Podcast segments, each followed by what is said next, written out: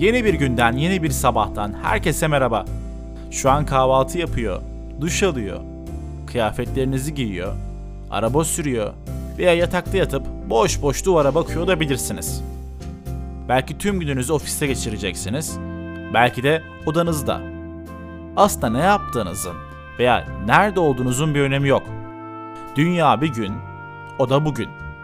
Ne yaparsanız yapın, nerede olursanız olun, olabildiğince güzel bir gün geçirmeye bakın. Ve ben de birazdan sizlere umarım sabah sabah güzel bir hikaye anlatacağım.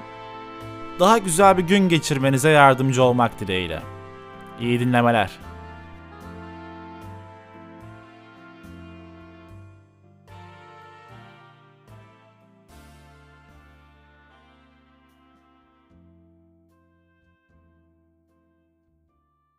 New York'ta Manhattan ile Brooklyn arasındaki nehir üzerine kurulmuş olan Brooklyn Köprüsü bir mühendislik harikasıdır.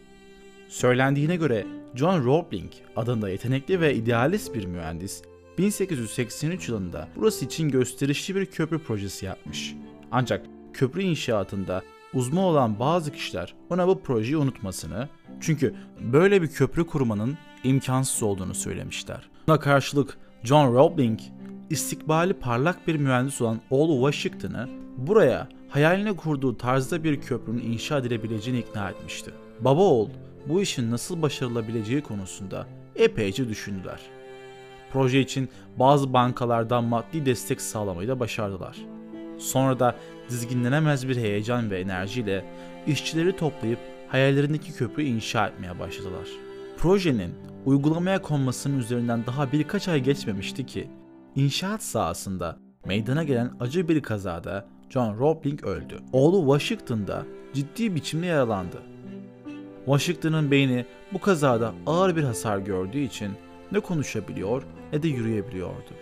Köprünün nasıl inşa edilebileceğini yalnızca baba oğlu Roebling'ler bildiği için herkes bu büyük projenin çöpe gittiğini düşünmeye başlamıştı.